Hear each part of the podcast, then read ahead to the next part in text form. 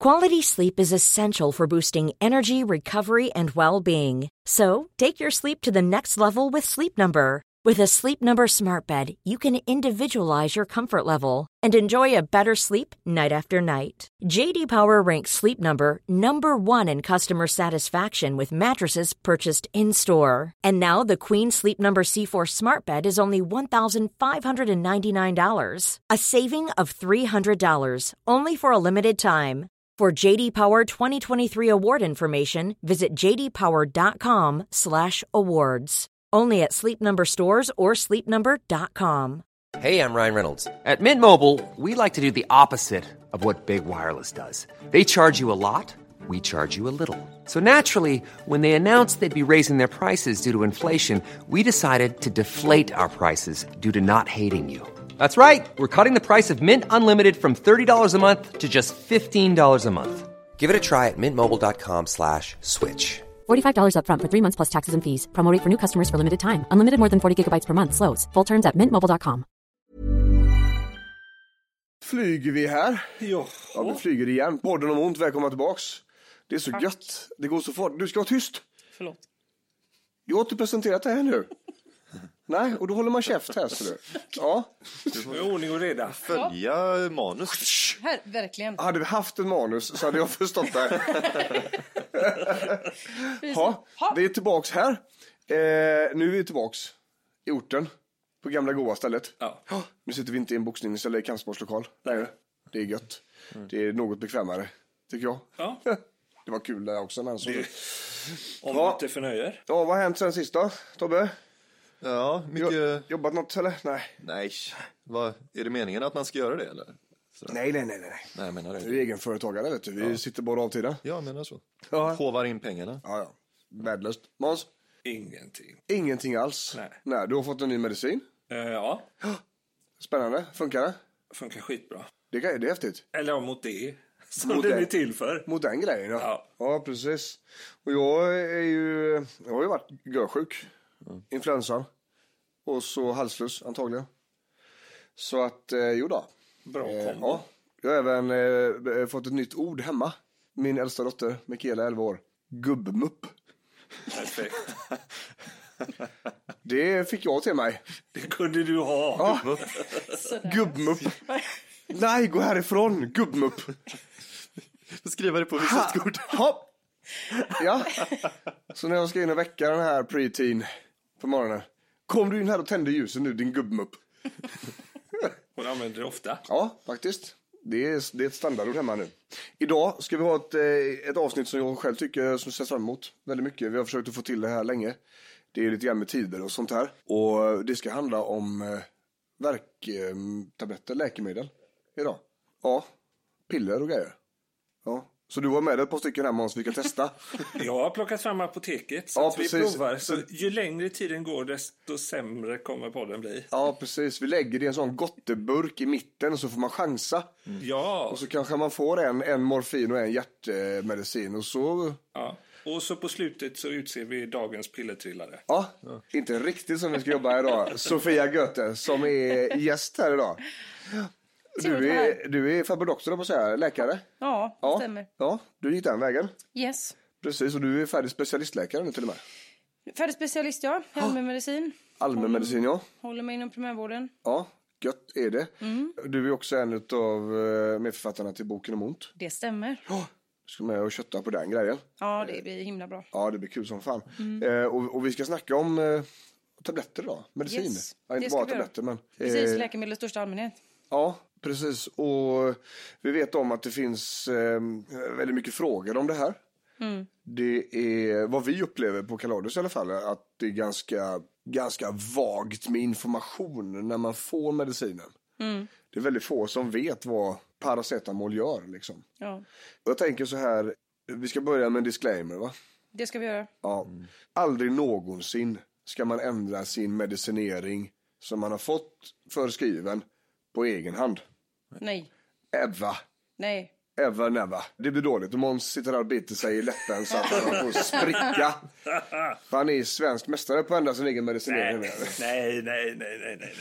Det händer inte. Nej, inte alls. Men och, och, och inte ta några, några råd överhuvudtaget om, om läkemedel från en eh, podcast till exempel. Nej. Utan bara skita i det. Nej. Det är viktigt att den som är ansvarig för behandlingen får lov att vara ansvarig för behandlingen. För annars så är det väldigt svårt att ta ansvar för det första. Och det, kan ju, det är potenta medel ofta och det är mycket som kan gå fel. Ja. Det ju, ska ju inte blandas ihop med att man inte ska signalera om man inte tycker att det fungerar. Utan det ska man absolut göra. Ja. Men man ska ta det med en och samma person. Är det många kockar i den här soppan så kan det bli katastrof. Ja, och det, det här är ju, det är väldigt vanligt att man meckar med det. Eh, och vi förstår ju varför.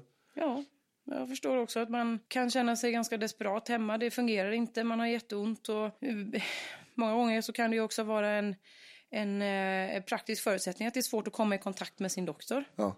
Det är en begränsande faktor i sammanhanget som inte är att bortse ifrån utan det är en viktig sak. Ja, eh, och vi, vi, ska, vi ska gå igenom lite grann idag. Saker som vi tycker är viktiga och vettiga att, att ha med sig. Vi kommer väl att, att använda både läkemedelsnamnet och de kända produktnamnen. Bara för att det ska bli enkelt för lyssnarna att förstå. Ja, Så. Man känner igen det man faktiskt har hemma på hyllan i Ja, medicinskåpet. precis. Så, alltså, Ibuprofen är ju Ipren liksom.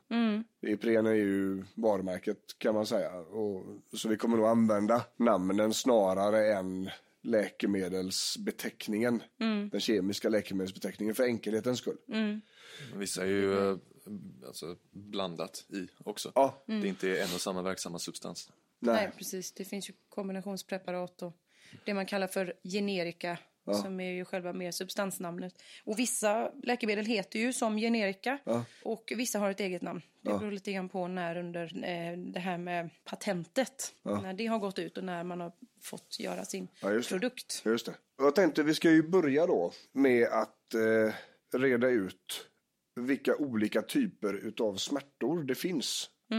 Om jag har ont eh, i huvudet så är det kanske en smärta. Om jag har artros i mitt knä så är det en smärta. Om jag har strålande smärtor ner i benet vid ett diskbråck så är det ju en smärta. Precis. De heter lite skumt. Ja, Och eh, det blir ganska lätt avancerat om vi inte håller oss i skinnet. Så vi ska försöka göra det så enkelt som möjligt fastän det är svårt. precis. Det är komplicerat och det, det, det är svårt att, att göra för mycket förenklingar för då blir det inte rätt. Nej, vi, men vi ska väl försöka hålla det på en nivå som blir förståeligt. ja precis. Och jag tänker att eh, vi ska börja prata om eh, varje del. Och sedan så, så kommer vi att droppa lite olika typer av åkommor. Där, där du får känna, okej men vad är det här för typ av smärta? Hur hade du gjort? Och sen vet jag att det finns ju olika, man går ju en stege. Man slänger ju inte på det tyngsta först utan man testar sig fram tills det funkar eftersom ju, ju tyngre medicin det blir ju större effekt har de men också större biverkningar. Sådär, va? Ja, precis. Ska vi göra så? Vi testar. Vi testar så. Om, om jag då börjar med, eh, eh, vad ska vi börja med Tobbe? Ska vi börja med, med, den, eh, med den, eh, den vanligaste eller den, den som man vanligtvis tänker sig smärta? Eh, nociceptiva kanske? Nociceptiv. Nociceptiv smärta. Det är Berätta, bra Sofia. ställe att börja på. Berätta. Ja, alltså nociceptiv smärta är ju relaterat till vävnadsskada. Så att det är det vi känner när vi stukar en fot eller bryter en arm, bränner oss på en platta. Även inflammatoriska sjukdomar som till exempel artros eller om man får en infektion i ett sår till exempel. Genererar också den här typen av smärta. Men vad, vad är det? Alltså smärtan är ju en varningssignal. Det har lyssnarna fått lära sig i leda. Måns, fattar du eller? Men det är viktigt. Ja, det är viktigt. Men, men alltså om jag, om jag bränner mig på plattan. Och då får jag, då får jag ju, då skadas ju huden. Ja, Och kanske även det som är under om man har otur. ja, precis. Och då är det, är det, är det huden som larmar då eller är det Det finns eh, smärtreceptorer kan vi väl kalla det för. Ute i vävnaden, ute ute i mjukvävnad och i skelett och så. Som signalerar via nerver in till ryggmärgen. Som kopplar om signalen till en annan nerv som så går det upp en signal till hjärnan som tolkar. Ja. Det är den som vi den förklaringsmodellen som vi ju har eller som ni har berättat Ja. för lyssnarna många gånger. Absolut. Och det är, det är så den här smärtan signaleras här också. Det är ett, ett tydligt sätt för hjärnan att förstå att nu är det någonting som går sönder. Eller men- har gått sönder. Kan man säga att det är typen av varningssignal? Hur menar du då? Alltså den signalen som går ifrån det onda området. Mm. Är, är det det som, om vi ska försöka få lyssnarna till att förstå vad alltså nociceptiva är för något? Och den skillnaden mellan de här olika. Om man tänker sig de andra typerna av smärta som vi ska prata om sen. Så, så det är ju framförallt vad är det för struktur som genererar smärtupplevelsen. Och även vad det är för karaktär på den smärtan. Ja. Och- Med karaktär tänker du? Eh, alltså smärtkaraktären på nociceptiv, nociceptiv, eh, smärta är ju ofta molande, dunkande, eh, skärande eh, till exempel. Medan andra smärttyper har an, en, en annan karaktär. Jajamän. Vi Så- kommer ju till de andra sen. Så karaktär, alltså dels vilken typ utav grej du kan ta på som, som är skadad. Mm. Och dels vilken karaktär den eh, varnar med, så att säga. Hur det Precis. känns. Genererar det olika signaler? Alltså själva nervsignalen som går. Är den specifik för typ av smärta? Eller är det signal som signal? Ja, nu satte ni mig på pottkanten här lite grann. Fan vad kul. Ja, Grymt intressant. det är ju... Alltså den nociceptiva smärtan är ju det vi känner vid en akut smärta ofta. Eh, som sagt, ett benbrott, man skär sig i handen eller något motsvarande. Jag måste blanda in en annan typ av smärta för att kunna förklara det här tror jag. Ja. Men om vi gör så, Måns, om du håller kvar vid den frågan. Jag håller den. Så tar vi, så tar vi den när vi kommer Ja, till nästa bro. Det är ju, och det är nociceptiv då. ja. Akut smärta, vävnadsskada, skelett, muskler, hud och så vidare. Jajamän. Om vi går vidare till nästa. Vilken ska vi ta? Ska vi ta den neuropatiska eller? Ja, det är ju näst på... Näst på, ja, näst på tur. Precis. Neuropatisk smärta. Neuro, Yes, nerv precis. kan man tänka sig då.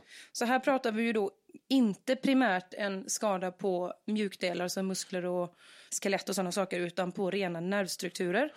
Så det är nerverna som går från ryggmärgen ut i kroppen. Ja. Men också ryggmärgen om det upp- uppstår någonting där.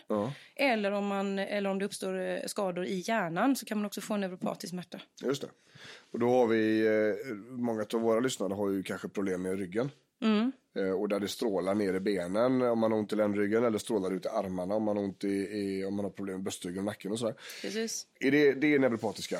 Ja, det kan vara neuropatisk smärta om det är så att det är en nerv som ligger i kläm till exempel. Kan ge upphov till neuropatisk smärta. Det kan vara en nervskada. Att man, det, så, så sätt kan det också vara en traumatisk skada. Men, det måste, men då är det på en nervstruktur Just det. i så fall.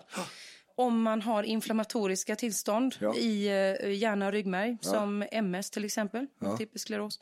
Eller en stroke som ger en eh, vävnadsskada i hjärnan kan också ge upphov till smärta. Just det.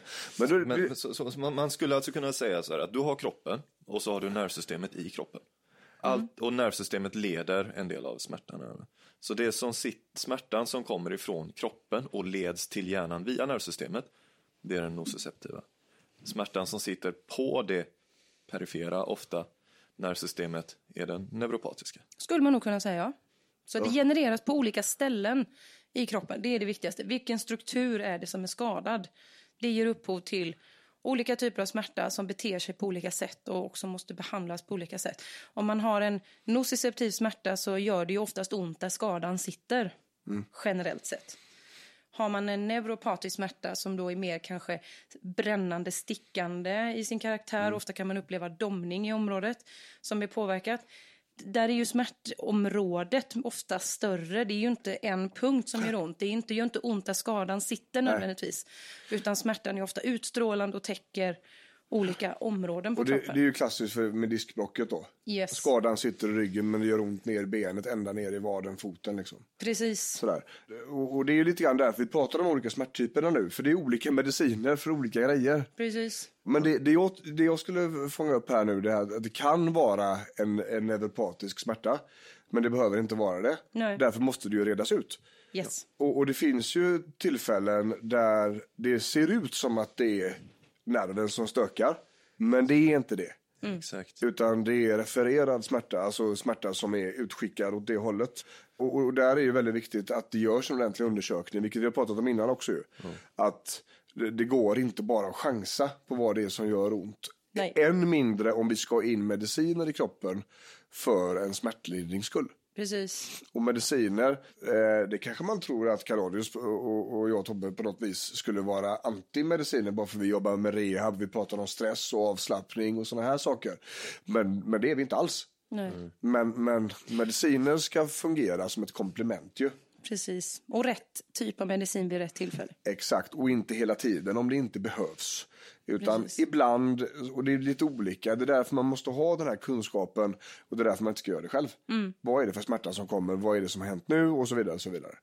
Men, men det är liksom någonstans grundkärnan i hela avsnittet är att, att Det är ett verktyg som allting annat. Ja. Och du måste använda flera olika verktyg för att bygga ett hus. ja. Så Och det- och den neuropatiska smärtan, när, när vi får klienter till oss, den är ju ofta svårare.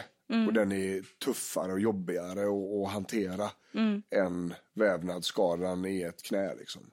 Det, det blir mycket större konsekvenser väldigt mycket snabbare. Vilket man också ser sen när, vi, när man börjar medicinera för detta. Det är mediciner som gör mycket större prylar med människan för att få bort, eh, eller för att få ner den. Ja. Men om vi släpper nerverna lite grann.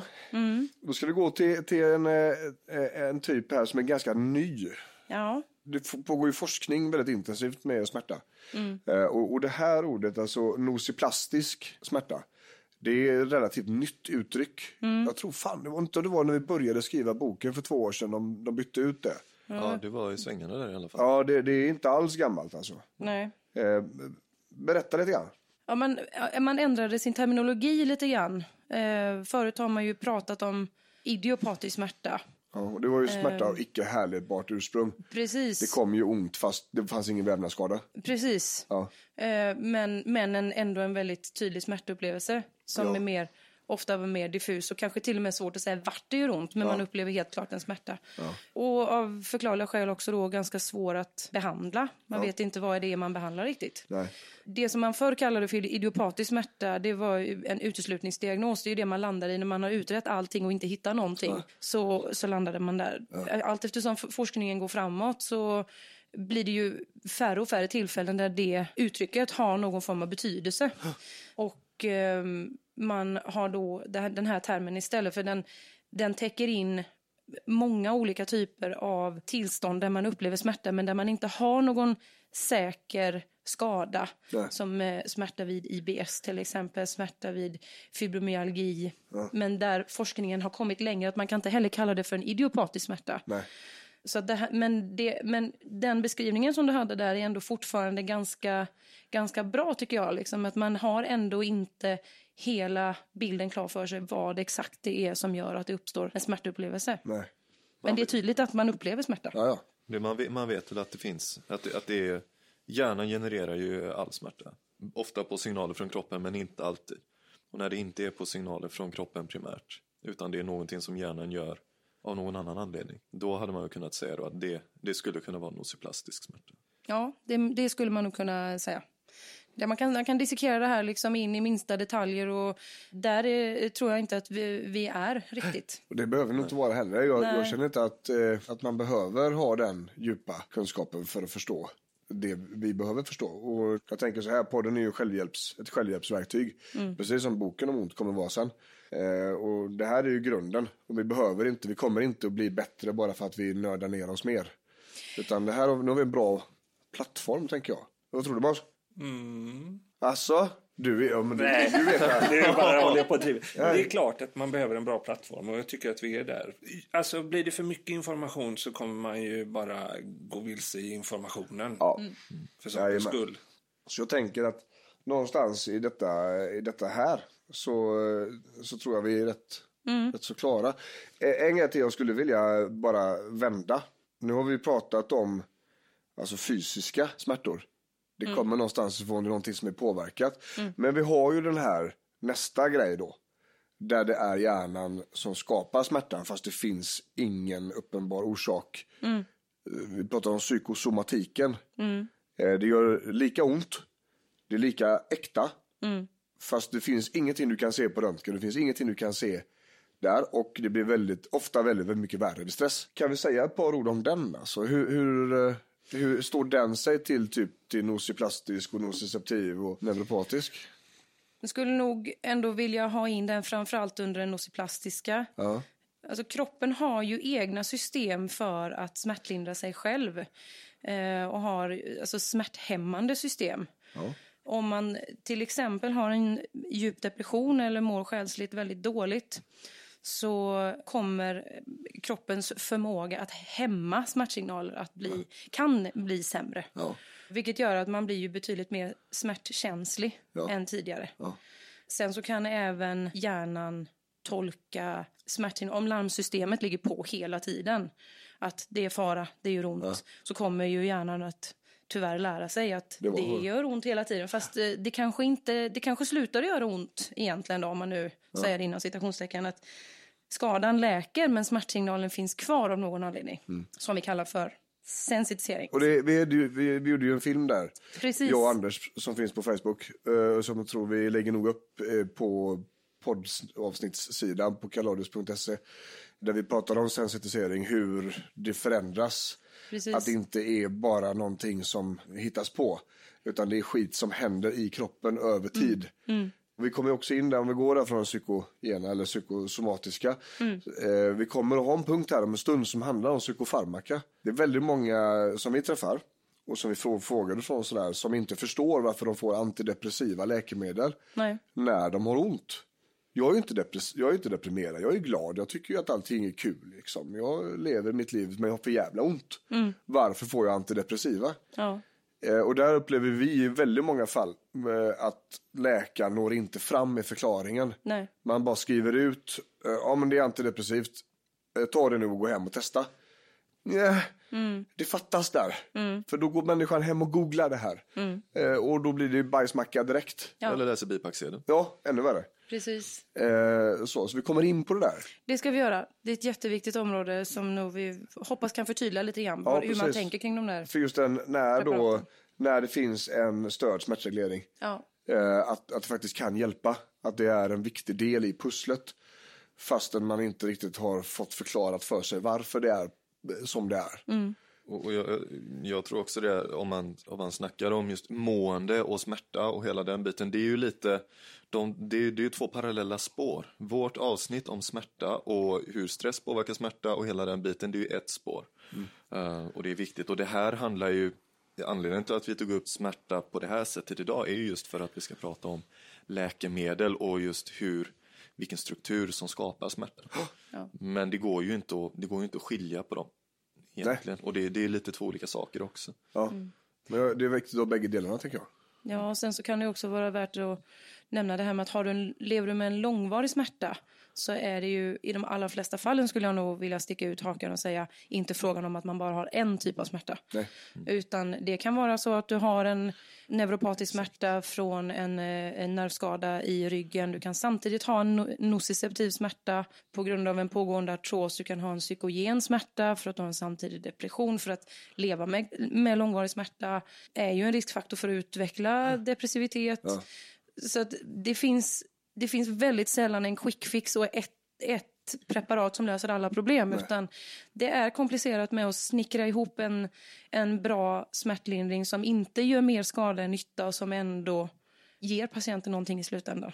Och det är också väldigt viktigt att komma ihåg det att, att bara äta medicin, det duger inte. Nej, Punkt. nej, Det var ingen fråga. Nej. Utan eh, det kan perioder vara, korta perioder kan det vara läge bara medicinera för att bryta smärtspiraler och så vidare. Visst. För att det inte går. Men det är i avsikt för att människan ska börja kunna röra på sig och kunna slappna av och kunna jobba på alla de här sätten som vi har pratat om innan i podden egentligen ju. ja. Eh, Så det är bara en del. Men jag, det så jävla intressant Måns, du har ju fått en ny medicin nu.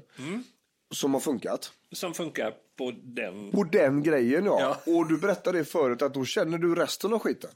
Ja, du, alltså jag har ju ont i axeln ändå och i hela överkroppen. Och sen är ju min kropp så misshandlad så att jag har ju ont i hela kroppen. Det. Så är det ju. Och för er Men som... jag har ju inte känt det innan. Nej, och det är ju det. Och för er som är nya lyssnare då så kan vi säga att Måns då som är producent eh, för podden. Han har opererat sin axel 35 gånger. Yes. Det, är, det ser ut som ett världskrig och Wolverine på samma gång. Ja, Eh, men det går till rätt håll nu. Det, går alldeles åt rätt håll. Ja, precis. Det har börjat att att växa ihop eh, som det ska och, Ja. och sådär. Eh, Du har ju fortfarande ont, men det var ju heller inte syftet med operationen att ta bort all smärta. Nej, utan att inte armen skulle trilla av. Ja, exakt. Och då har du fått eh, smärtlindring, ny Ja. medicin, Ja. för ditt neuropatiska problem. Exakt. Så, och den har funkat. Den har funkat. Ja. Och nu har du ont på andra sätt och på andra ställen. Ja. Och andra typer av smärta. Eller hur? Ja. Vad är det, eh, den smärtan som har försvunnit nu? Kan du beskriva den för oss? Och den var ju med den här brännande smärtan. Ja. Eh. Strålade den eller? Ja, den strålade från eh, axel, nacke, ut i armen. Ja, Ner till armbågen ungefär. ja okej. Typ som en enkelstöt nästan eller? Typ som tandvärk, Ja. skulle jag säga. Ja. Det är många som beskriver faktiskt det också. Eh, diskbråck och så här, jag har tandvärk ner i benet liksom. Ja. Men det är ju en smärta som är som hela tiden ligger på och som man inte, man kan inte tänka bort. Nej, precis. Man kommer inte undan den. Nej, det går inte att fly. Nej, det går inte att lägga sig bara och tänka på någonting annat eller koncentrera huvudet på någonting ballt. Den är där ändå liksom. Ja. Och då är den borta. Ja, Vad är det som är kvar? Vad, är det som, vad var det som fanns under den? Det är mer så här eh, benbrottskänslan som är kvar i axeln. Ja. Eller om man får en riktigt god lårmacka. Alltså Lårkaka. här- Ja. Muskelvärk, alltså. Ja. Också? Och, ja, och muskelvärken sitter ju i ryggen och ut i baksidan av armen eller mot armhålan. Just det. Men det är ju också så att du har ju flyttat runt muskler. Ja. Dragit ut och och byggt om. Så att det ser ju inte ut som en normal anatomikarta bak på din rygg liksom. Nej, ena sidan är ju speciell. Ja. Jajamän. Vi får se det här sen. Vi skulle ju ha lite partytrick där. Vi skulle visa Sofia hur den såg ut. Jag tror att vi avstår partytricket. Men du vet, vi har pratat så mycket om, sådär, om dig så att snart måste vi visa eh, Men jag kan hur bidra med lite bilder. Kan vi göra det? Ja, jag kan göra det. Får jag ta en bild där sen? Eh, så lägger vi upp den så får ni se vad, vad Måns bråkar med. Vi har ju en film också ska vi säga. På Youtube. Där vi gör en sån avslappningsmanöver på dig. Ja. Eh, så den finns där och den finns även filmad. Det var ju i och för sig typ fyra operationer sen va? Eller tre? Fyra kanske, ja. Ja. Ja. Det, är så, det är så svårt att hålla reda på dem. På de alla. de flyter ihop Ja, lite. är Man kommer så. upp i tvåsiffrigt så blir det gärna så. Ja, då vill man ju gärna ha ballonger när man vaknar upp. Det får man inte. Nej, ingen klubba heller för att du var duktig. Nej. Nej, det är så dåligt. Ja, så svensk sjukvård alltså. Men det, det är ju... Jag vet, jag, Men det där har man ju kunnat säga då, där hade du ju en neuropatisk smärta som dolde din nociceptiva smärta. Precis. Och nu när man plockar bort den neuropatiska smärtan så kom den nociceptiva smärtan upp i ljuset. För, det- för det är ju lite grann så, kroppen tar ju gärna den eh, största smärtan först. Det, och det är väldigt vanligt, det upplever vi också när vi får bort smärtbilder, hur det finns saker under. Att den, den klarar bara av en, ett stort akut hot i taget. Förutom huvudvärk. Som man alltid kan få. Ja, ändå. Ändå, ja. Lik förbannat. Ja, men det är ofta så. Och det är någonting som vi, vi kommunicerar tidigt till våra kunder att när den här första försvinner nu, vilket den antagligen kommer att göra, så är det inte omöjligt att det finns skit under. Nej, precis. Eh, väldigt vanligt när det gäller huvudvärk, och skulder och whiplash och sådana här saker. Framförallt i bröstryggen upplever jag, för mina klienter i alla fall. Bröstryggen. Ja, där gör det ont först och sen får vi bort det och sen gör det ont på andra ställen. Det där är lite som den här andra magen man kan ha för efterrätten. Ja. Fast motsatt. Ja, precis. Reversed. Men det blir ju också Reversed så alltså, efterrättsmage.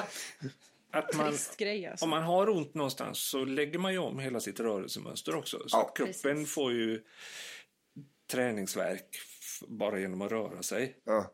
Så, och det gör ju ont. Ja. Precis. Det, är ju, det blir lite grann som en lök.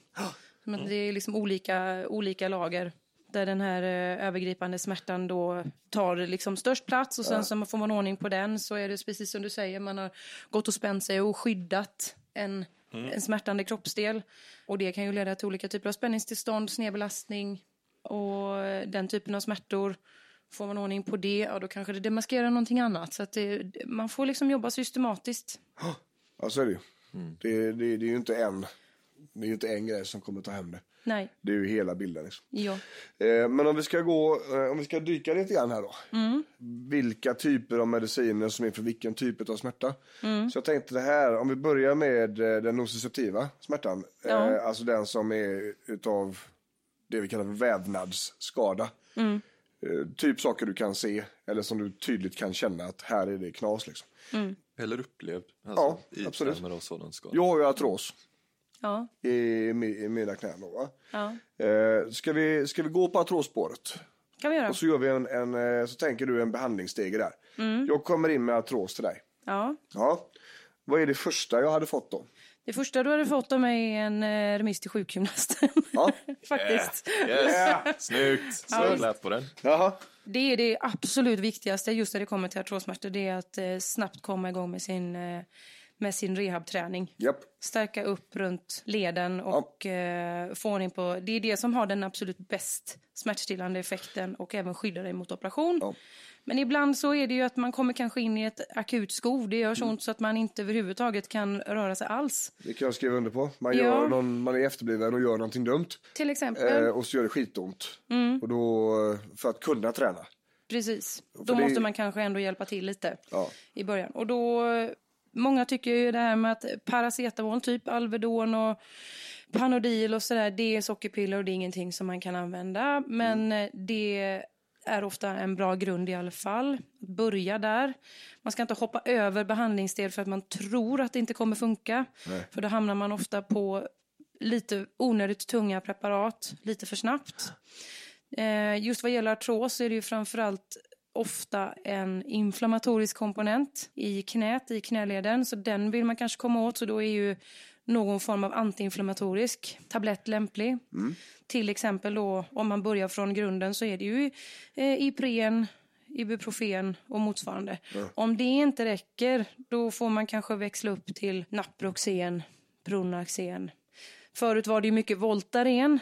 Eh, Alla de här eh, antiinflammatoriska medicinerna går ju under begreppet NSAID. Och de, eh, de har ju en smärtstillande effekt kortsiktigt. Och om man tar mer som en kur så får man en antiinflammatorisk effekt. Så gå och dutta med någon enstaka, enstaka tablett ur den gruppen kommer kanske att ge smärtlindring men det ger inte så bra antiinflammatorisk effekt. Utan bättre i så fall att ta en kur och så eh, sen då försöka göra ett uppehåll och komma igång med träning. Mm. Jag tänker ju också det här. ehm, jag tänker när det gäller NSAID-preparaten. Många utav dem är ju väldigt tuffa mot magen. Ja, Och magproblem, det låter lightweight. Fast det är det inte när man har det. nej. Det kan, det kan vara riktigt eh, lurigt alltså. Ja. Om man, Särskilt om man är en eh, känslig individ. Vissa har ju en kista av stål Ja. och kan äta hur mycket såna här mediciner som helst. Andra blir dåliga efter kanske bara ett par, tre stycken. Ja. Vissa kan inte ta några alls. Nej. Framförallt att man får halsbränna och ont Ja. I magsäcken eller relaterat till magsäcken. Så det. Och det, det man kan också flagga för tänker jag det är att när det, om det är ett NSAID eller NSAID preparat om man har flera stycken olika hemma så blir det inget bra om man tar olika Nej, sådana inom samma grupp. nej. Utan därför är det paracetamol i en helt egen grupp liksom. Så den kan man ta samtidigt som de här NSAID-preparaten. Ja, det går bra. Det Eh, går bra att men kombinera. eh, att ta både Ipren och Voltaren, det är kaka på kaka.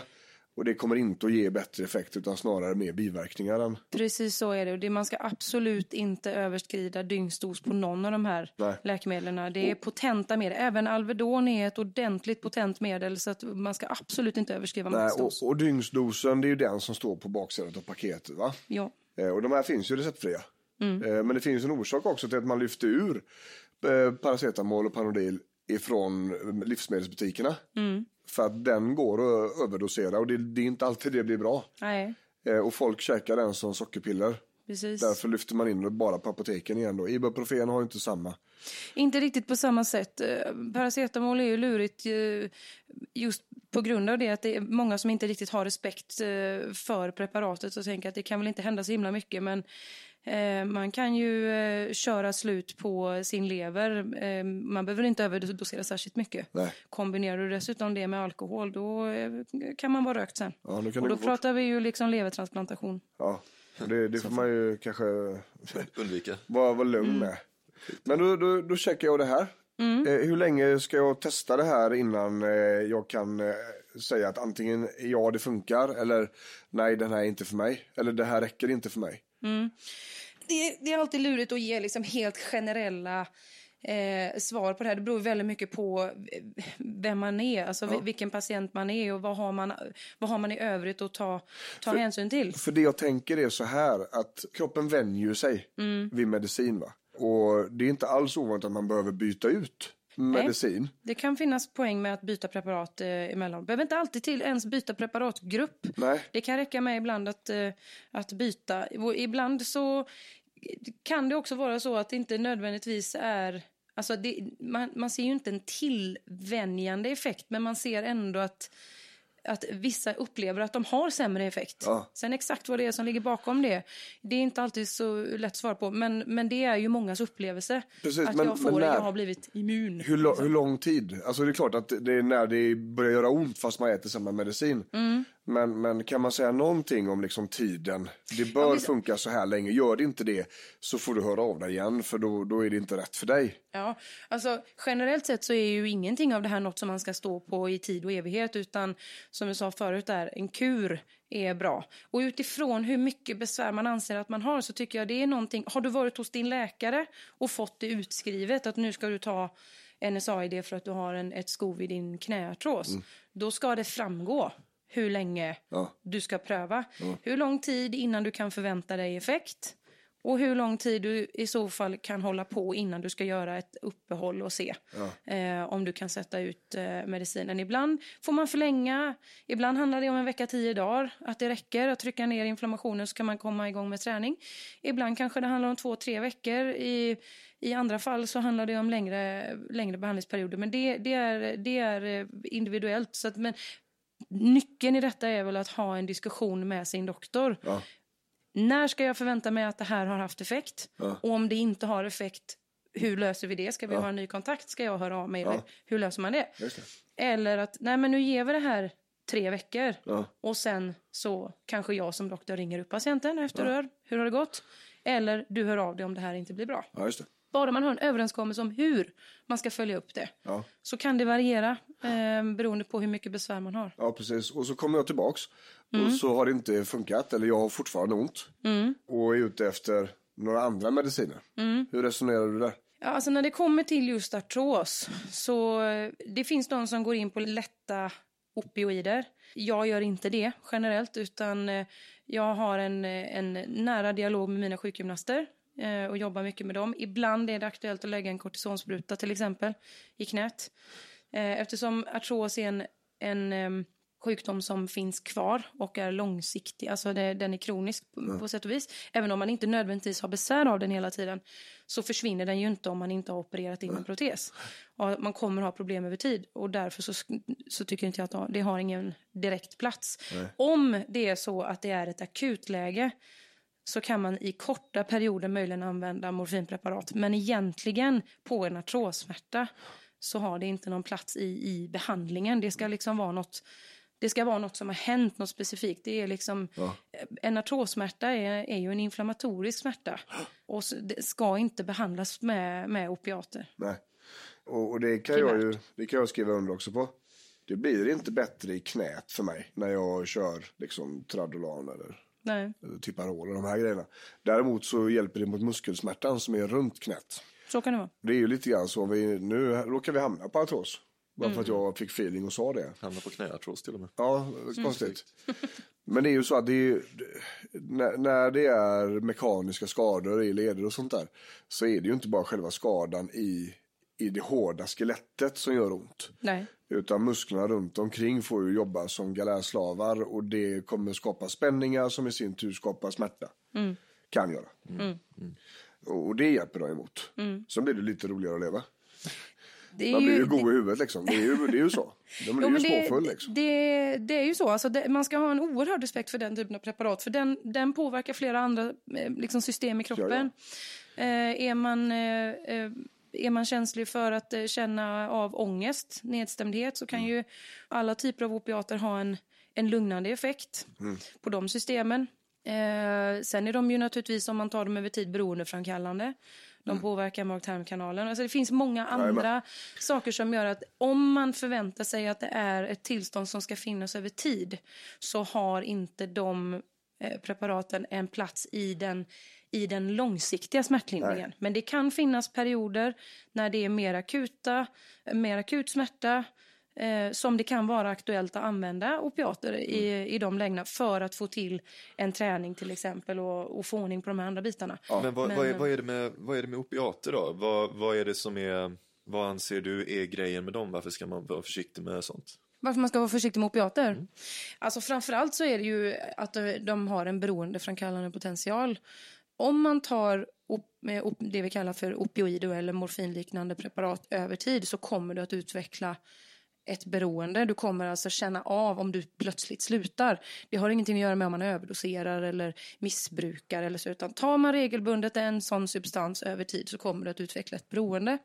I tillägg till det så får man även en tillvänjande effekt som innebär att du kommer ha sämre effekt över tid av samma dos. Det leder till att du måste öka dosen för att få samma effekt och så är den här onda spiralen igång.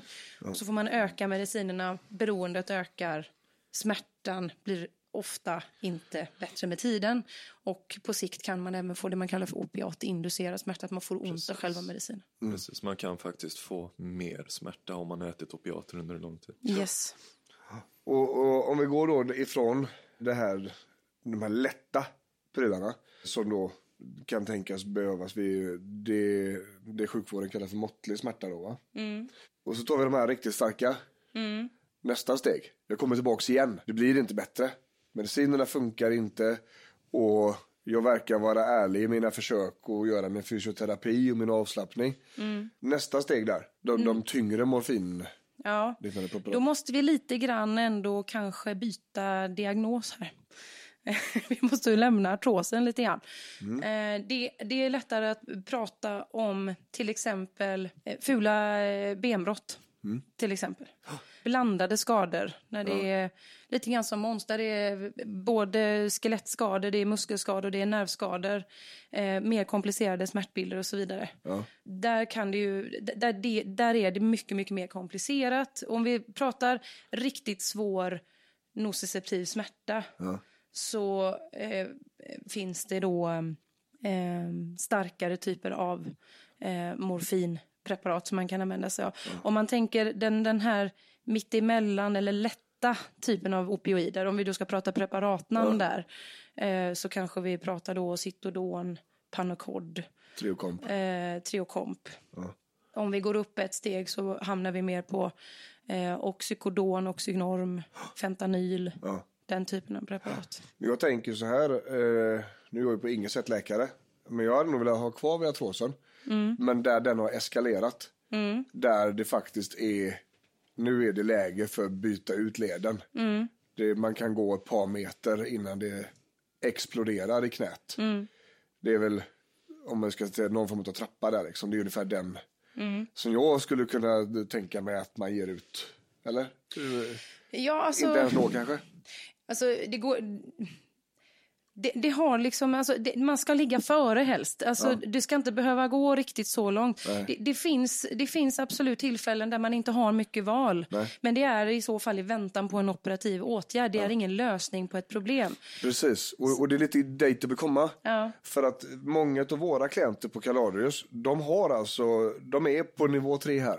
Svår smärta, oxynorm. Eh, och oxyn kan vara grundmedicin alltså. Och, och det har ju blivit fel i jävligt många olika nivåer innan. Ja. Sådär va, både i, alltså i rehaben, fysioterapin och sådär, men även i förskrivningen får man nog säga. Eh, med tanke på de nivåerna som finns där. Ehm, men, men jag, jag tänker att, att vi visar upp lite grann, vi, vi, vi belyser när de här medicinerna ska in och hur illa det bör vara innan det är dags för dem. Så har man också en chans att se, ah, fan, det har nog få- ah, det har nog gått lite fort där. Så illa är det faktiskt inte. Och även då känna att men det finns faktiskt konsekvenser utav mediciner. Inte bara att den gör dig mosig i huvudet. Det händer grejer i kroppen liksom. Ja. Du går in i en spiral som kan vara svår att ta sig ur. Liksom. Precis. Sen finns det ju också, alltså det, det finns undantag till nästan alla regler. Det är därför det är svårt att, att, säga att det alltid är på ett sätt eller på ett annat. För att säga att du till exempel är allergisk mot NSAID. Det är inte helt ovanligt att man har en, eh, en, eh, en, en ren en ren allergi, alltså att man kan få svårt att andas. Till exempel om man har en astma samtidigt så kan NSAID-preparat trigga fula astmaattacker om man om man besväras av det. Och då kan du ju inte använda NSAID på de här personerna överhuvudtaget. Då måste du hantera det. Ja. Alltså då, då, är det kanske, då kanske man har närmare till en kortisonspruta på dem på de patienterna. Det är inte okomplicerat att spruta kortison heller. Det finns biverkningar på det med och risk att man får in bakterier i leden. Och, eh, alltså, man måste ha, man måste ha liksom ett noggrant övervägande med risk-nytta för varje patient vid varje givet tillfälle. Men för en sån patient så kanske det är så att man man, eh, ja, du har mindre alternativ och du måste på något sätt försöka lösa situationen. Eh, ännu viktigare då att man kommer in snabbt med sjukgymnast. Hur långt kan du komma med din sjukgymnast utan att behöva ha starka smärtstillande, utan att behöva remitteras till ortoped för operation och sådär. För man vill ju att, att individen mår så bra som det går på vägen fram. Ja. Och det är inte alltid mediciner eh, fyller det syftet. Nej, verkligen inte. Och du riskerar ju att skapa en situation med de läkemedlen som är, som är värre än själva grundproblemet Ja, ja. om man inte passar sig. Det är ju bara att kolla USA liksom. Till exempel. Eh, Opiatepidemin där. Mm. Alltså det skövlar ju hur mycket folk som helst. Mm. Hela städer som är neddrogade på tramadol liksom. Jo, nej, men det, det, det är potenta medel och de, de, måste, de måste hanteras utefter det. Med det sagt så är det inte heller sagt att man inte ska använda dem när det finns en indikation. Eh, men det är, det är i första hand preparat för kortvariga behandlingsperioder vid akuta tillstånd. De har inte riktigt någon plats när det kommer till, eller de har ingen plats när det kommer till långvarig smärta för att de kommer att orsaka mer problem än de löser med tiden. Det är liksom i här och nu så har de kanske jättebra effekt. Men spelar vi fram tiden ett par månader eller ett, ännu värre ett par år då har vi en helt annan situation. Och där är man kanske inte i, eh, världens bästa stånd att göra den och, och förstå det när man, eh, när man har en kroppsdel som brinner. Utan, Nej, alltså Man vill ju bara att skiten slutar liksom. Ja. precis. Och i den absolut sämsta av världar så är du ju knalltillvand på dina opiater så du kräver väldigt höga doser för att få effekt. När de slutar få effekt, då är du fortfarande jätteberoende. Och så ska du dessutom då försöka trappa opiater när du liksom från ett väldigt avancerat beroende när du dessutom inte har någon smärtlindrande effekt längre. Och det har ju stor risk att det i sin tur då genererar ännu mera smärta och smärtstegring för att du blir abstinent och eh, det är svårt att hitta något annat komplement. Det brukar ju också vara så att det har varit problematiskt med med de, med de andra aspekterna på smärtlindring, med sjukgymnastik och avslappning och de här bitarna. Ja, man är ju inte där uppe och leker om man inte har Nej, det är ju någonstans, någonstans har det ju varit väldigt komplicerat på vägen. Så man är väldigt illa rustad för en nedtrappning i det skedet. Så att man ska liksom försöka undvika att hamna där. Nedtrappningen kan ju vara väldigt avancerad. Ja, det kan, vara, tid. det kan vara väldigt jobbigt. Det är inte farligt att, att trappa ner opiater, men det är väldigt obehagligt. Abstinensen är väldigt, väldigt obehaglig. Och för att man får ju, du får ju hantera både en abstinensreaktion och kanske även en initial i alla fall smärtstegring. Ja. Den smärtstegringen lägger sig ofta efter ett tag. Ja. Men eh, i början när du börjar trappa så, får- så får man ofta mer ont. Och det är inte bara relaterat till att du får mindre morfin i kroppen. Utan det, det, är, det är en del i hela nedtrappningsprocessen ofta. Men eh, står man ut så, så lugnar det sig ofta. Och det är ju någonting, alltså det känns ju som att någonstans det finns en, en, ett syfte med att ha så lite medicin som möjligt. Mm. Man ska inte, alltså minsta möjliga dosering med mesta möjliga effekt Precis. hela tiden. Ja. Men, men nu, Risk-nytta hela tiden. ja, Risk-nytta. Mm. Risk och vård.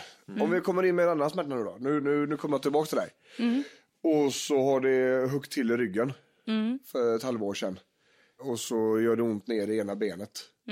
Mm. Det är inte riktigt lika starkt. Eh, och det bränner Mm. på hudställen så att säga. Jag började med fysioterapi. Det, det går inte sådär superdunder. Mm. Och jag har ju inte kunnat sluta jobba. Och då är det ju, det, här, det har vi pratat om innan, det är ju då neuropatisk. I och med att det gör ont ner i benet. Hur tänker du där? Ja, där är, om vi förutsätter att det är en neuropatisk smärta. Ja, det har vi kollat. Det- det får vi kolla. Här Det- finns det, det det, det, finns ett diskbråck.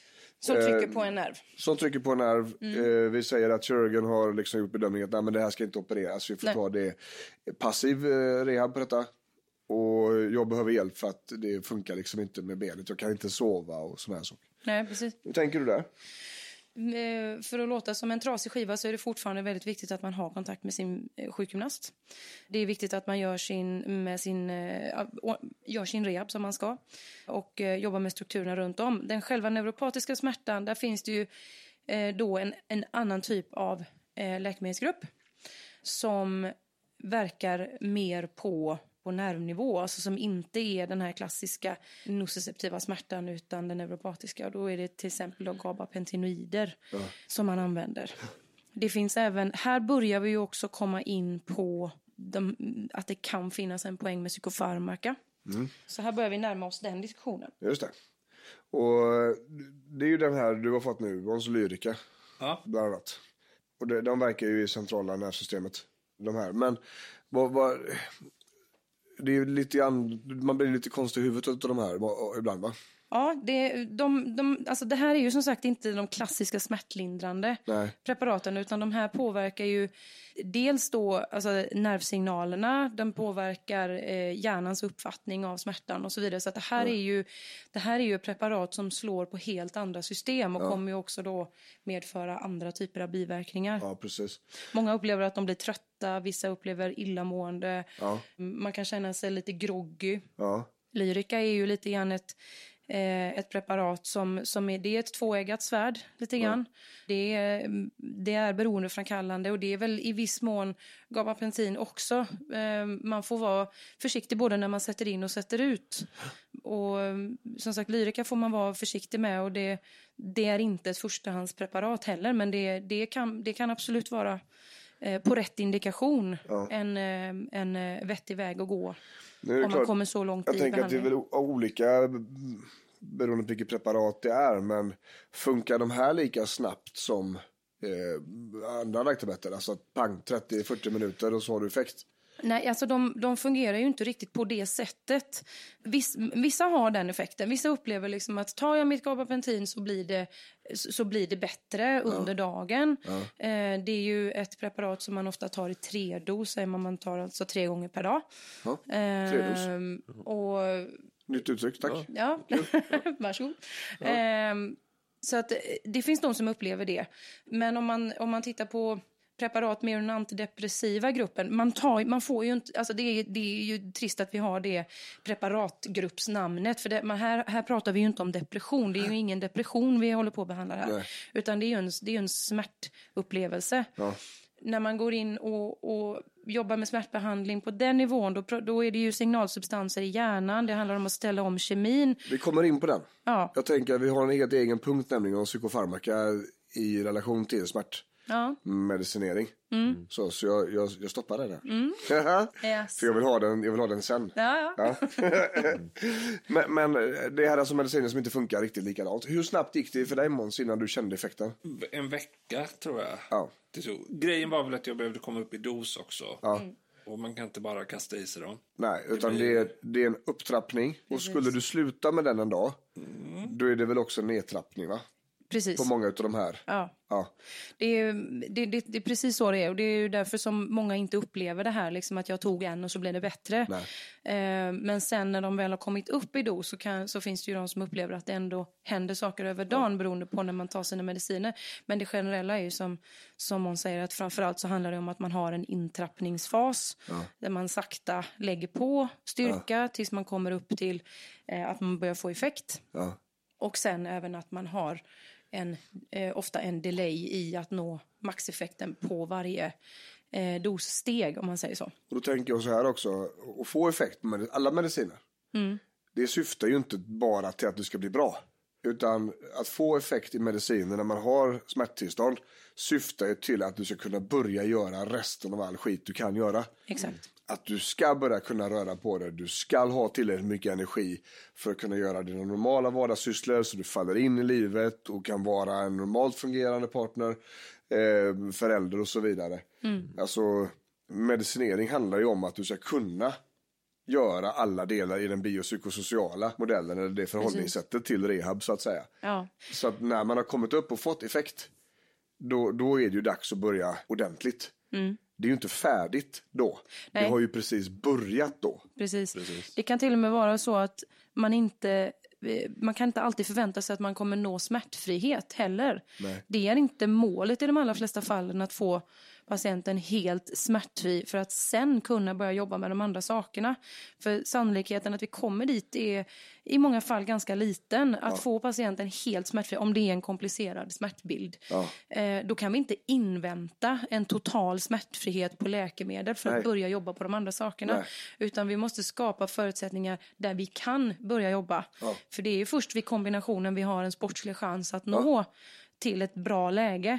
Så att eh, det är inte det är inte så att man ska sitta ner i båten och vänta Nej. och invänta liksom en effekt som är fullständig. Risken är väldigt stor att man inte kommer dit och då blir det kaka av alltihopa. Och jag tror det, det är väldigt många som kanske inte riktigt har den inställningen till eh, ens till läkarbesöket, Nej, eh, tänker jag. nej, Och det skulle jag verkligen vilja lyfta upp och flagga för att, att om man kan ändra inställningen lite grann där.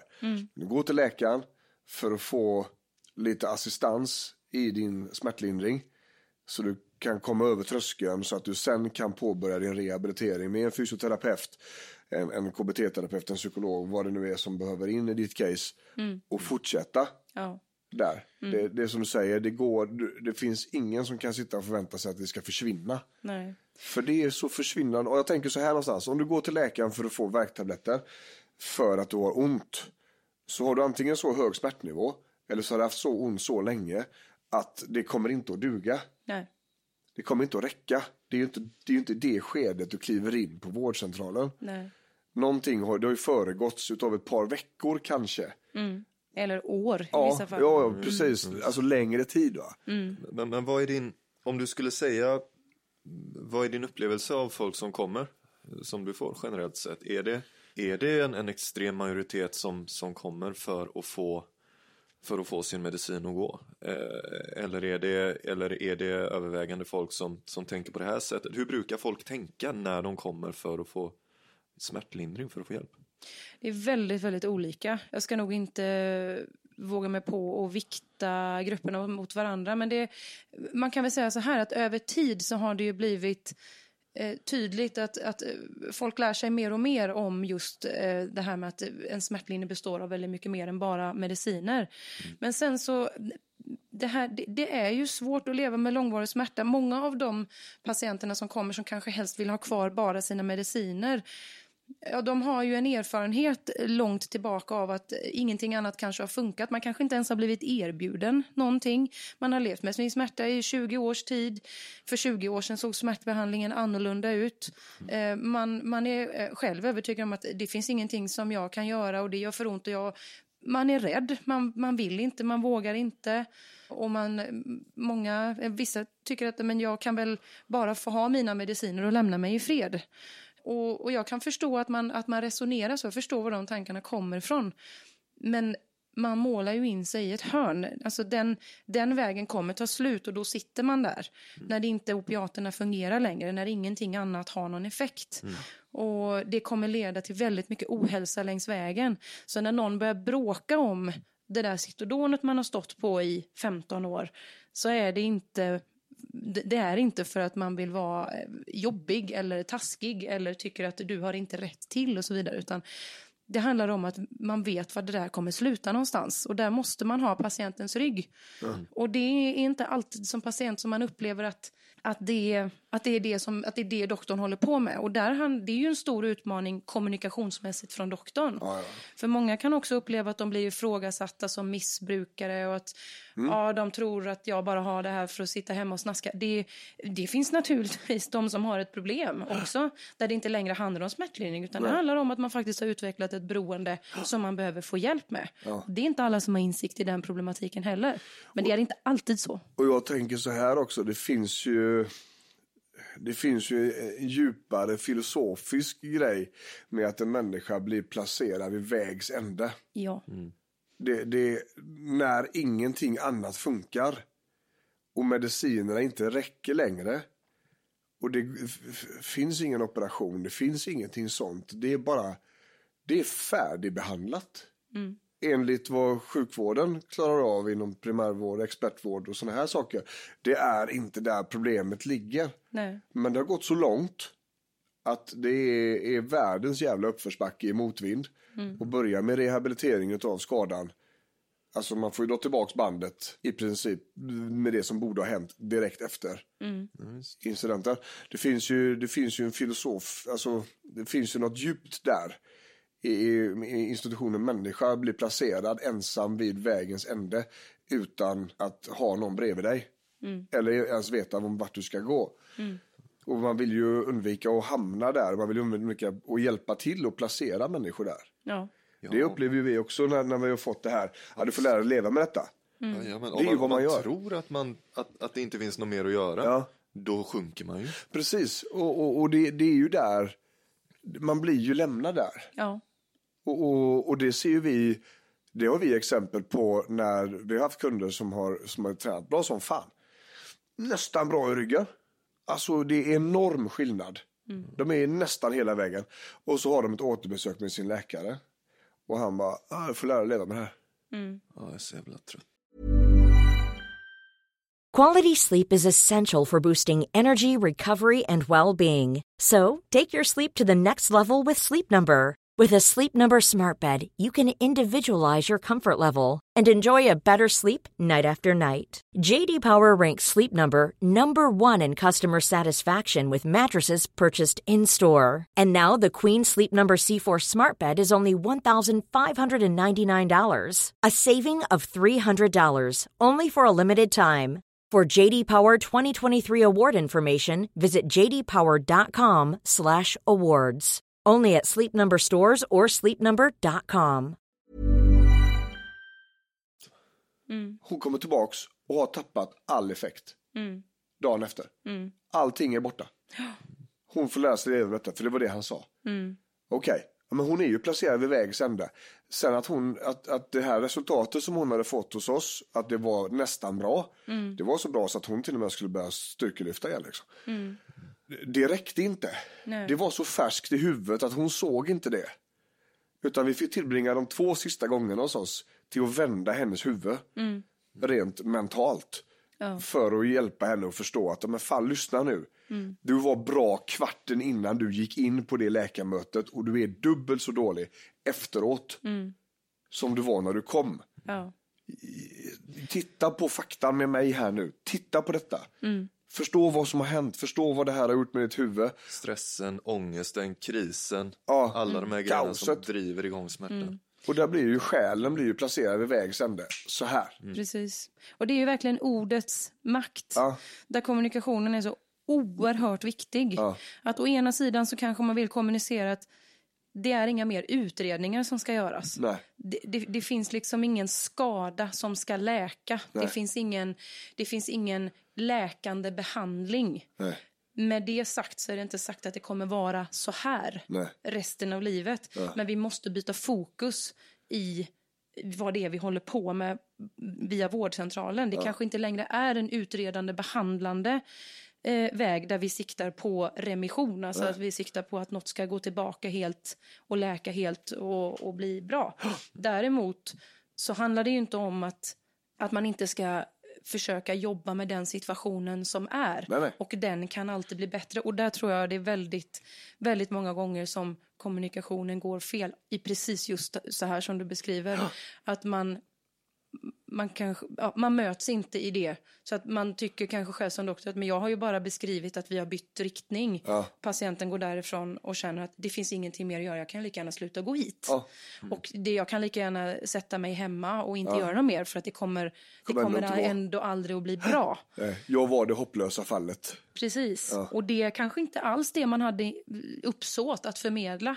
Men det var det som den patienten gick därifrån med. Och det är ju inget bra. Är det generationsberoende på läkare?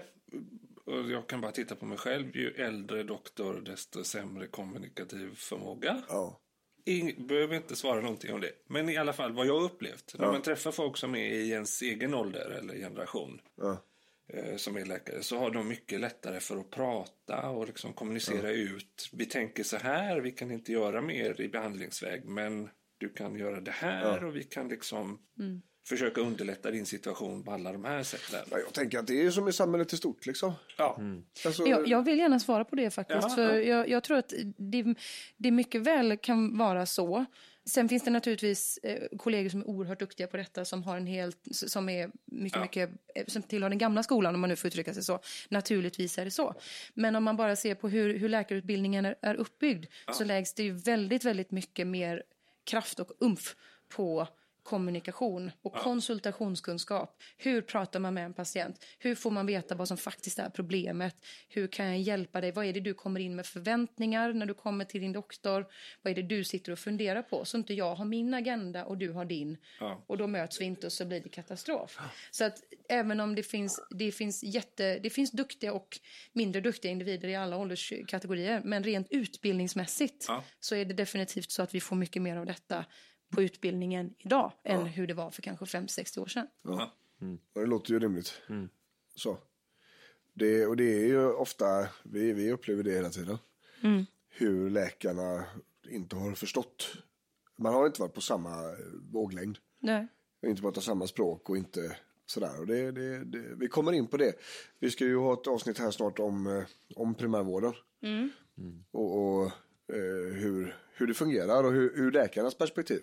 Ja, Hur det, hur det känns och hur det fungerar att arbeta där idag. Liksom. det är en viktig, en, en, en viktig del. För det, det är ju uppenbart att det finns områden där det går fel. Ja. Och ehm, det är bra att tillsammans hjälpas åt att försöka överbrygga de där Ja. problemen så mycket som man kan. Och då är det lättare om man förstår varandras situation. Ja, såklart. såklart. Men jag tänker så här, vi ska gå vidare. Vi har ju faktiskt en, en smärtbild till. Eller en, eh, eh, en smärtuttryck till. Det är ju den här nosiga plast, nosiplastiska. Om, eh, om vi tar lite grann om den. Om jag kommer in och har IBS eller vi säger så här. Jag, eh, det är inte jag som kommer in utan det är, det är Tobbe. Tobbe har eh, fibromyalgi som inte riktigt är som den borde. Den går, det är mycket skov och mycket sådana här saker. Hur tänker du där? Om vi då bortser från att nu finns det en fysioterapi, vi gör som vi ska, vi försöker disponera vår energi fast det går ändå inte. Nej. Vi jobbar på alla de delarna. Om vi bara tar själva medicineringsbiten nu då. Och ju- just fibromyalgi har ju, forskas ju på, kanske inte bara är rent nociplastiskt utan även har med blodkärlen att göra. Jag vet inte om det är en Ja. mindre bra exempel kanske. Ja, Men, eh, men eh, men vad ska vi byta då? Ska vi ta någonting annat? Ta, Eh, vi kan väl ta alltså, gängse, eh, gängse diagnos. Man kommer in och har diffust ont. Man vet inte, man är välutredd men det gör ont överallt och vi hittar ingenting. Kanske det är så också att det flyttar på sig? Kan vara så att det flyttar på sig. Kan till och med vara svårt att säga vart det gör ont någonstans. Ja. Det, är ju, det gör bara ont. Det flyttar på sig. Det är diffust, det är oklart, man är välutredd. Det, vi hittar ingen utlösande orsak i varken vävnad eller nervsystem. Nej, utan då är det nästa. Ja. Vad, vad tänker vi där då? Bör, börjar man med, med de här vanliga eh, receptfria värktabletterna där eller, eller tänker, går du på ett annat spår?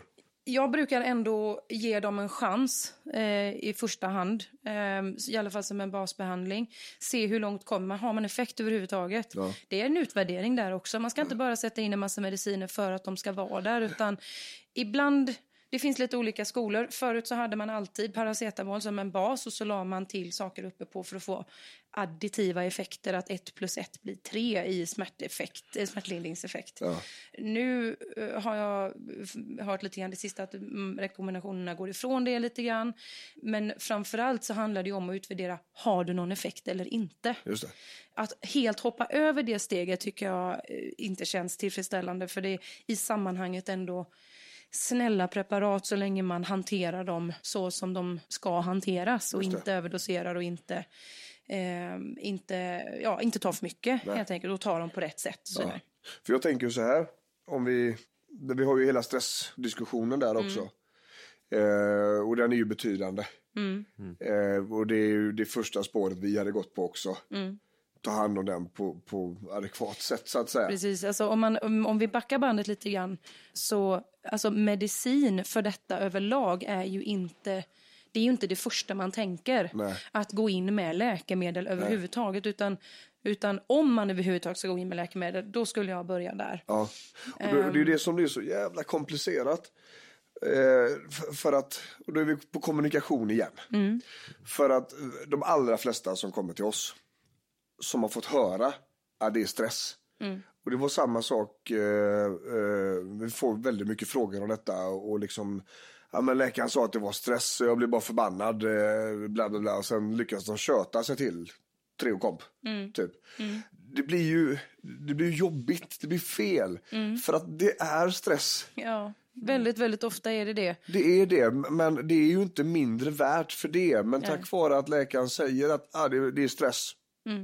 Du får Men är inte det lite som att man har använt stress som en slaskdiagnos Jo, eh, det tror jag. innan? Jo, Som har gjort det. precis. Att det är det här som sitter i människors huvuden också. Så när det är den kommunikationen som kommer så, så blir det backfire alltså. Och det blir stort backfire för att det kommer ju ligga som en broms för hela jävla behandlingen tänker jag. Alltså om man inte inser eh, faktan och, och gör någonting med den.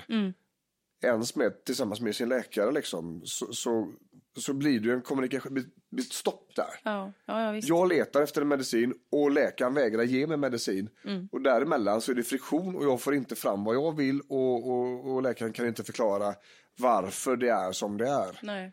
Jag tror att det är precis just det som är problemet.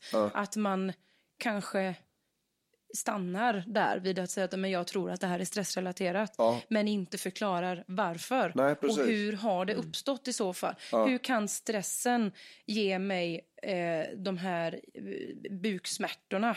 Hur, hur kan det uppstå jättekonstig huvudvärk på grund av att jag är stressad? Jag upplever mig ju inte stressad. Jag gör ju inte särskilt mycket. Jag, min dag ramlar på. Jag älskar när det händer mycket. Och så vidare. Liksom så att patientens egen upplevelse kanske inte alls är att det är stress. Nej. Men sett utifrån. Ja. Och när man lägger ihop hela bilden, när man har tagit sin anamnes med patienten, man har suttit och pratat och, och frågat alla sina frågor och man har diskuterat, så kan det vara eh, absolut i många fall ganska uppenbart att men det här är en situation som inte är hälsosam ur en stress ur en ja. stressaspekt då. Ja, det- Men upplevelsen är ju inte nödvändigtvis att man är jäktad. Nej. Man måste skil- skilja på det om man känner sig jäktad Exakt. eller stressad. Exakt. Det är Det- två helt olika saker. Och det är ju jävligt många som kommer till oss som inte har koll på det. Nej. Nej. Och, och jag menar stress är ändå fortfarande lite, det kan bli lite personligt också. Det, det är lite samma sak som där det sitter i huvudet eller eh, ja, de, de här grejerna. Bara man, man tar det mer personligt när det är stress och man ser sig själv som en person som, som, som ska klara av en del Ja, saker. jag är inte stressad. Nej, okej. Nej, nej. Eh, Ja, men barnen klarar sig själva och jag har massa tid över och sådär. Ja, okej. Hur länge har du haft ont sa du? Ja, i fem år. Okej. Inte fått någon hjälp någonstans? Nej. Inga mediciner som funkar? Nej. Hur är det med maken? Ja, det är ju, det är ju inte så, så bra. Nej, okej. Vad menar du? Ja. Eh, ja, hur är det på jobbet då? Trött, mycket att göra. Eh, det är alltid mycket att göra, så det är ingen fara. Och då får man, okej, men nu är det så här.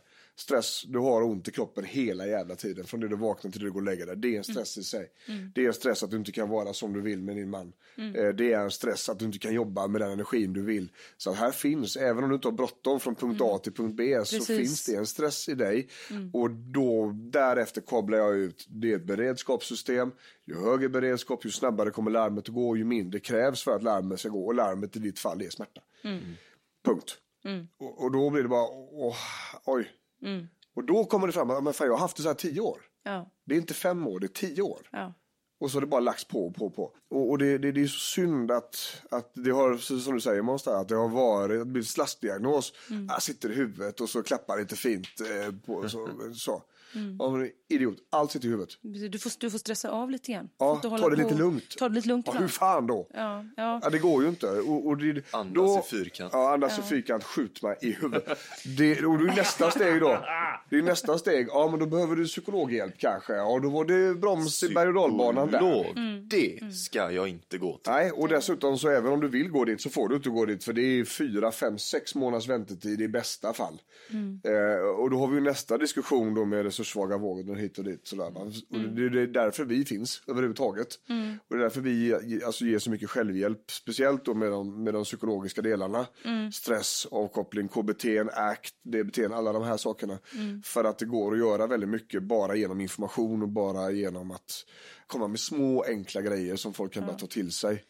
Allting kokar ner liksom vad man lägger i ordet stress och Ja. det är ju precis just det är nog det som är kärnan, precis som du är inne på att när man sitter som doktor så har man en, för, en förförståelse för vad stress innebär när jag pratar om stress. Ja.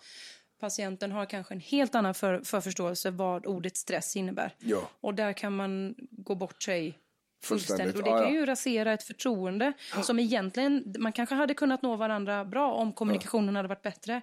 Men man kanske inte alls känner sig förstådd som patient. Eh, Doktorn känner sig inte heller förstådd alltid. Det kan bli liksom friktion och det kan bli irritation och, och så tyvärr då så kanske behandlingskontakten helt eh, går i stöpet Ja, ja. På, på grund av det. Och så kanske det inte var första gången heller. Nej, Utan förtroendet hos patienten är rubbat så länge Så och så vara. blev det som en självuppfyllande profetia. Ja. Det funkar inte nu heller, jag visste det.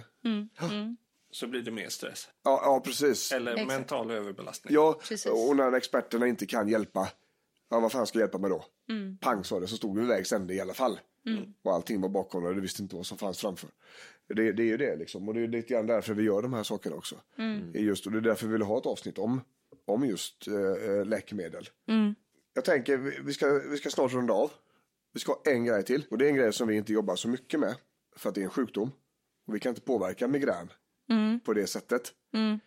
Utan eh, de migränerna som är spänningsutlösta. Där kan vi ju stabilisera skuldror, vi kan hjälpa till med bröstryggar och sådana här saker. Eh, och vi kan eh, skapa avslappning genom stresskontroll och så vidare och så vidare. Sänka smärta runt omkring så att den, den här smärtan blir lättare att hantera. Ja, men migrän är en sjukdom. Den kommer att komma. Vare sig du vill eller inte. Tyvärr. Hur, hur medicinerar man mot det? Det finns lite olika, olika varianter. Man kan dela upp det också lite grann. Dels det som ni var inne på. Att man, det är viktigt att man ser över vad är det man har för triggers. Vissa har ju en spänningshuvudvärk som en eh, triggande komponent till varför. Någonting som utlöser attackerna. En, en migrän är en väldigt specifik typ av huvudvärk. Och det finns väldigt många som går ute i eh, landet idag som tror att de har migrän men det är inte migrän utan det är någon annan form av huvudvärk, ofta spänningsrelaterat. Men det blir väldigt jobbigt om man upplever att man får gå iväg och lägga sig. Och det kan påminna om migrän men petar man i det och geggar i det lite grann så kan man ofta se att det här är inte en migrän. Och väldigt många gånger har de inte heller effekt av migränspecifika läkemedel. Just det. Och vad det, de läkemedlen som är migränspecifika, förebyggande. Eh, min eh, lilla dotter, åtta år, hon har ju migrän. Och det är inget snack om att det är migrän. Nej. Eh, utan det är som ett jävla godståg som kör över henne och inget ljus funkar och hon bara skriker. Det är ju liksom inget snack. Nej. Eh, och den kommer ju på kyla. Eller värmeskillnader, sådana här saker. Men, men vad är det för mediciner du, du petar in i någon som har, det har debuterat migrän säger vi, de har inte det innan, utan du är första. Precis. Vi diagnostiserar Ja. migrän. Vi är säkra på att det här är migrän. Ja, det de skulle få prova först av mig är en eh, grupp med mediciner som heter triptaner som är en specifik, ett specifikt läkemedel för just migränattacker. Som direkt när man börjar känna att nu är det på gång. De, allra, de allra flesta med migrän har det man kallar för prodromalsymptom. Att man känner att nu börjar det på något sätt, vissa har aurafenomen, att man ser blixt, ljusblixtar som rör sig i synfältet eller konstiga färger. Eller det, kan vara ja, det kan vara massa olika som kan även ha alltså, kän, känsloupplevelser, att det pirrar eller sticker eller så här. Man lär sig, man lär sig känna igen de där, de där eh, varningssymptomen när de kommer. Så fort man känner av det så är det läge att ta sin, sina triptaner. Det är inte läge att vänta och hoppas att det går över och ta dem sen. För då har de inte lika bra effekt. Utan här handlar det om att försöka kväva attacken i sin linda. Ja. Så då tar man, eh, ska man ta sina sådana mediciner snabbt. Gärna gå undan, vila, bort från stimuli. Att sitta kvar på jobbet i ett öppet kontorslandskap med massa stök och ljud och eh, kanske lampor som blinkar och skärmar och allting sånt där. Det är ju inget bra va? Nej. Utan eh, hellre ta sin tablett, försöka gå undan mörkt och tyst och se om det eventuellt kan hävas. Ja. Om man inte har effekt av triptaner, det finns absolut de som har migrän som inte tycker att det fungerar, kan ibland ha bra effekt av NSAID-preparat. Ja.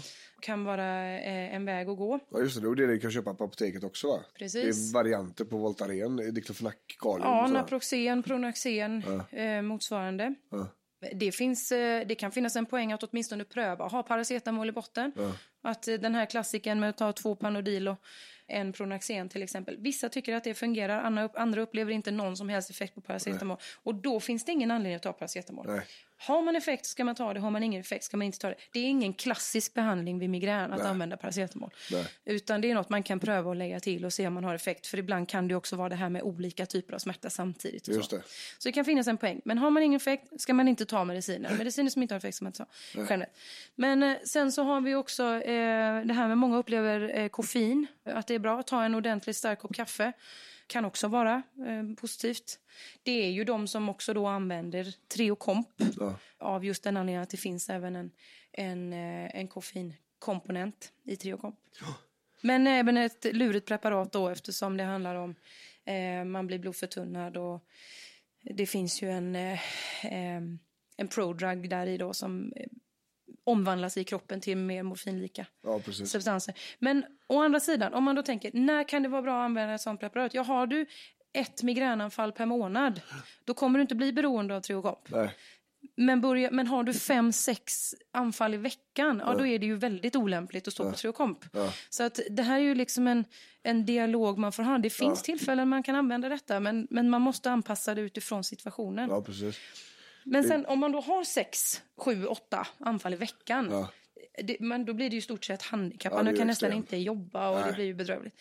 Då finns det profylaxbehandling också som man kan använda. Dels så finns det betablockad som man kan eh, stå på som man tar dagligen regelbundet, inte inför eh, attacken utan, Utan det tar man varje dag. Ja.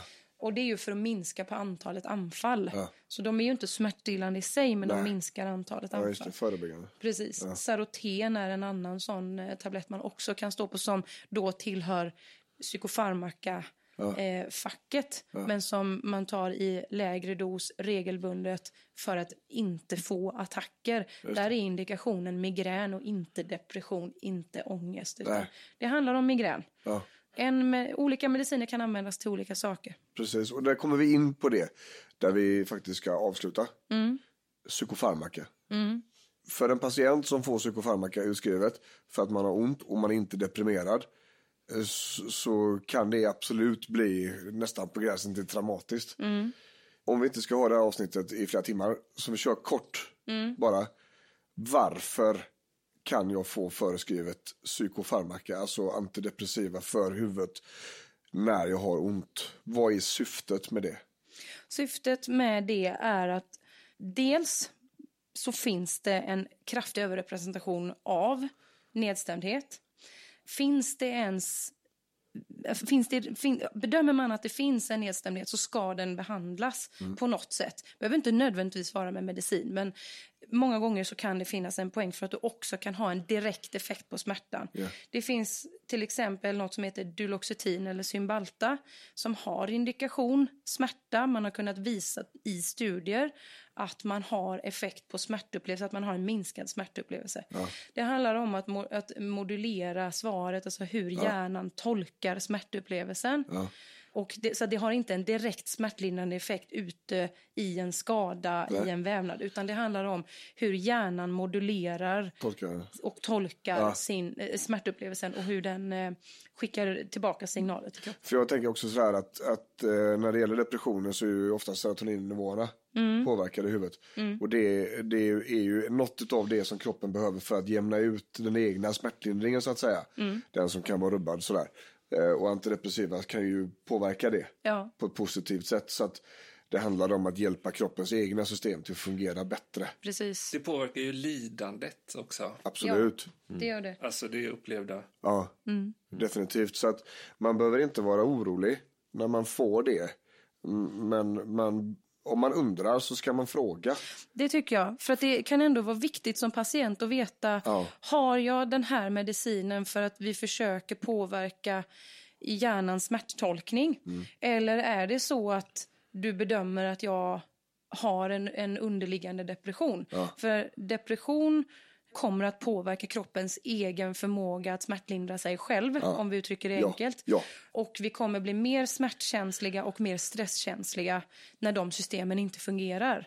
Så att inte behandla en uppenbar depression när man har en långvarig smärta, skulle jag säga, det, det, det, då gör man ju bort sig lite grann. Alltså det, måste, det måste vi göra för att nå hela vägen. Och det ska vi också säga det att, att depression är ju en klinisk diagnos liksom. Ja, Det är ju inte bara att man är lite, lite låg. nej, Utan det är grejer som händer. Eh, och många behöver medicin för detta. Eh, det kan bero på olika saker och så vidare. Men depression, när, när man har det. Den, den kan ju såklart spontan läka. det kan det göra. Men ofta så behöver man ju någon form av hjälp. Och har man, sitt, har man orsaken kvar. Tänker jag. Den är ju ungefär lika lätt att tänka bort som ett benbrott. Ja, Ja, och jag menar, alltså, de allra flesta, om man ser på, på liksom, eh, alla människor inkluderade, så kommer ju majoriteten av oss ha någon form av klinisk depression någon gång under livet. Ja. Som vi själva kanske inte ens upplever är... Alltså vi pratar inte om det i termer av att ja, jag var deprimerad. För att man behövde kanske inte ens söka hjälp. Utan man, det var skit en period och sen så gick det över. Ja. Och, och så, det går de allra flesta igenom någon gång under sitt liv. Och har man enbart en isolerad depression och ingenting annat, då är läget ett helt annat. Då, då tänker man kring behandling på ett helt annat sätt. Då är man ju, i, i den bästa av världar så vill man ju absolut få en sån patient till en psykolog i, i första läget. Men där måste man också ta ställning till, är det läge att sätta in medicin? Och det är ju någonting man diskuterar med patienten. Det beror mycket på vad man själv vill som patient och vad man tror på. Men lever man med en långvarig smärta också, då har du kanske redan läkemedel vi måste ta hänsyn till. Vi måste ta hänsyn till hur, hur mår du i huvudet? Orkar du delta i en KBT-behandling? Orkar du tillgodogöra dig det, den behandlingen på ett, på ett bra sätt? Eller blir det tid du bara sitter av hos psykologen? Ja, då är det inte rätt Nej, väg att gå. Nej. Så att, och m- många gånger så handlar det om att ha en kombination av båda. Men, men om vi går rent på smärtan så, så handlar det ju om vad är det vi behandlar i just ditt specifika fall. Och det kan vara väldigt, väldigt viktigt för, eller det är viktigt för patienten att förstå. Så om man är osäker och vi från vårdens sida har misslyckats med att kommunicera det på ett vettigt sätt, ta upp det med din doktor, fråga, diskutera. Det är jätteviktigt att man förstår varför man har de medicinerna man har och vad syftet med dem är. känslan av sammanhang. Och ställ, Yes. ställ inte den frågan, eh, liksom, det var bara en grej till. Nej, precis. det Utan- här är utan- ett jätteviktigt Utan det är, eh, ett, det ämne. är ett besök som måste få ta sin tid. Ja, jag, det hade, det. jag hade en konstellation i, i förra veckan. Eh, där det fanns en väldigt komplicerad medicinlista som hade varit så under ganska många år. Och där vissa av besvären som de hade, där hon skulle kunna tänkas komma från biverkningar. Eh, högt blodtryck och sådana här saker, det var massor av grejer. Och så frågade jag liksom, har du, har du suttit ner med läkaren någon gång och pratat om de här? Nej. Utan jag får bara en ny eller står bort en gammal. Bara, då gör vi så här, då bokar du upp en tid på din vårdcentral med din läkare för att gå igenom din medicinlista. Så om man har mycket mediciner, man kan, det är ju inte säkert man bara har ont, man kan ju ha andra grejer. Man kan ju ha blodtryck och hjärta och allt möjligt. Absolut. Att eh, man, man, man ser över den med, med någon som vet och som kan tala om hur de här jobbar ihop.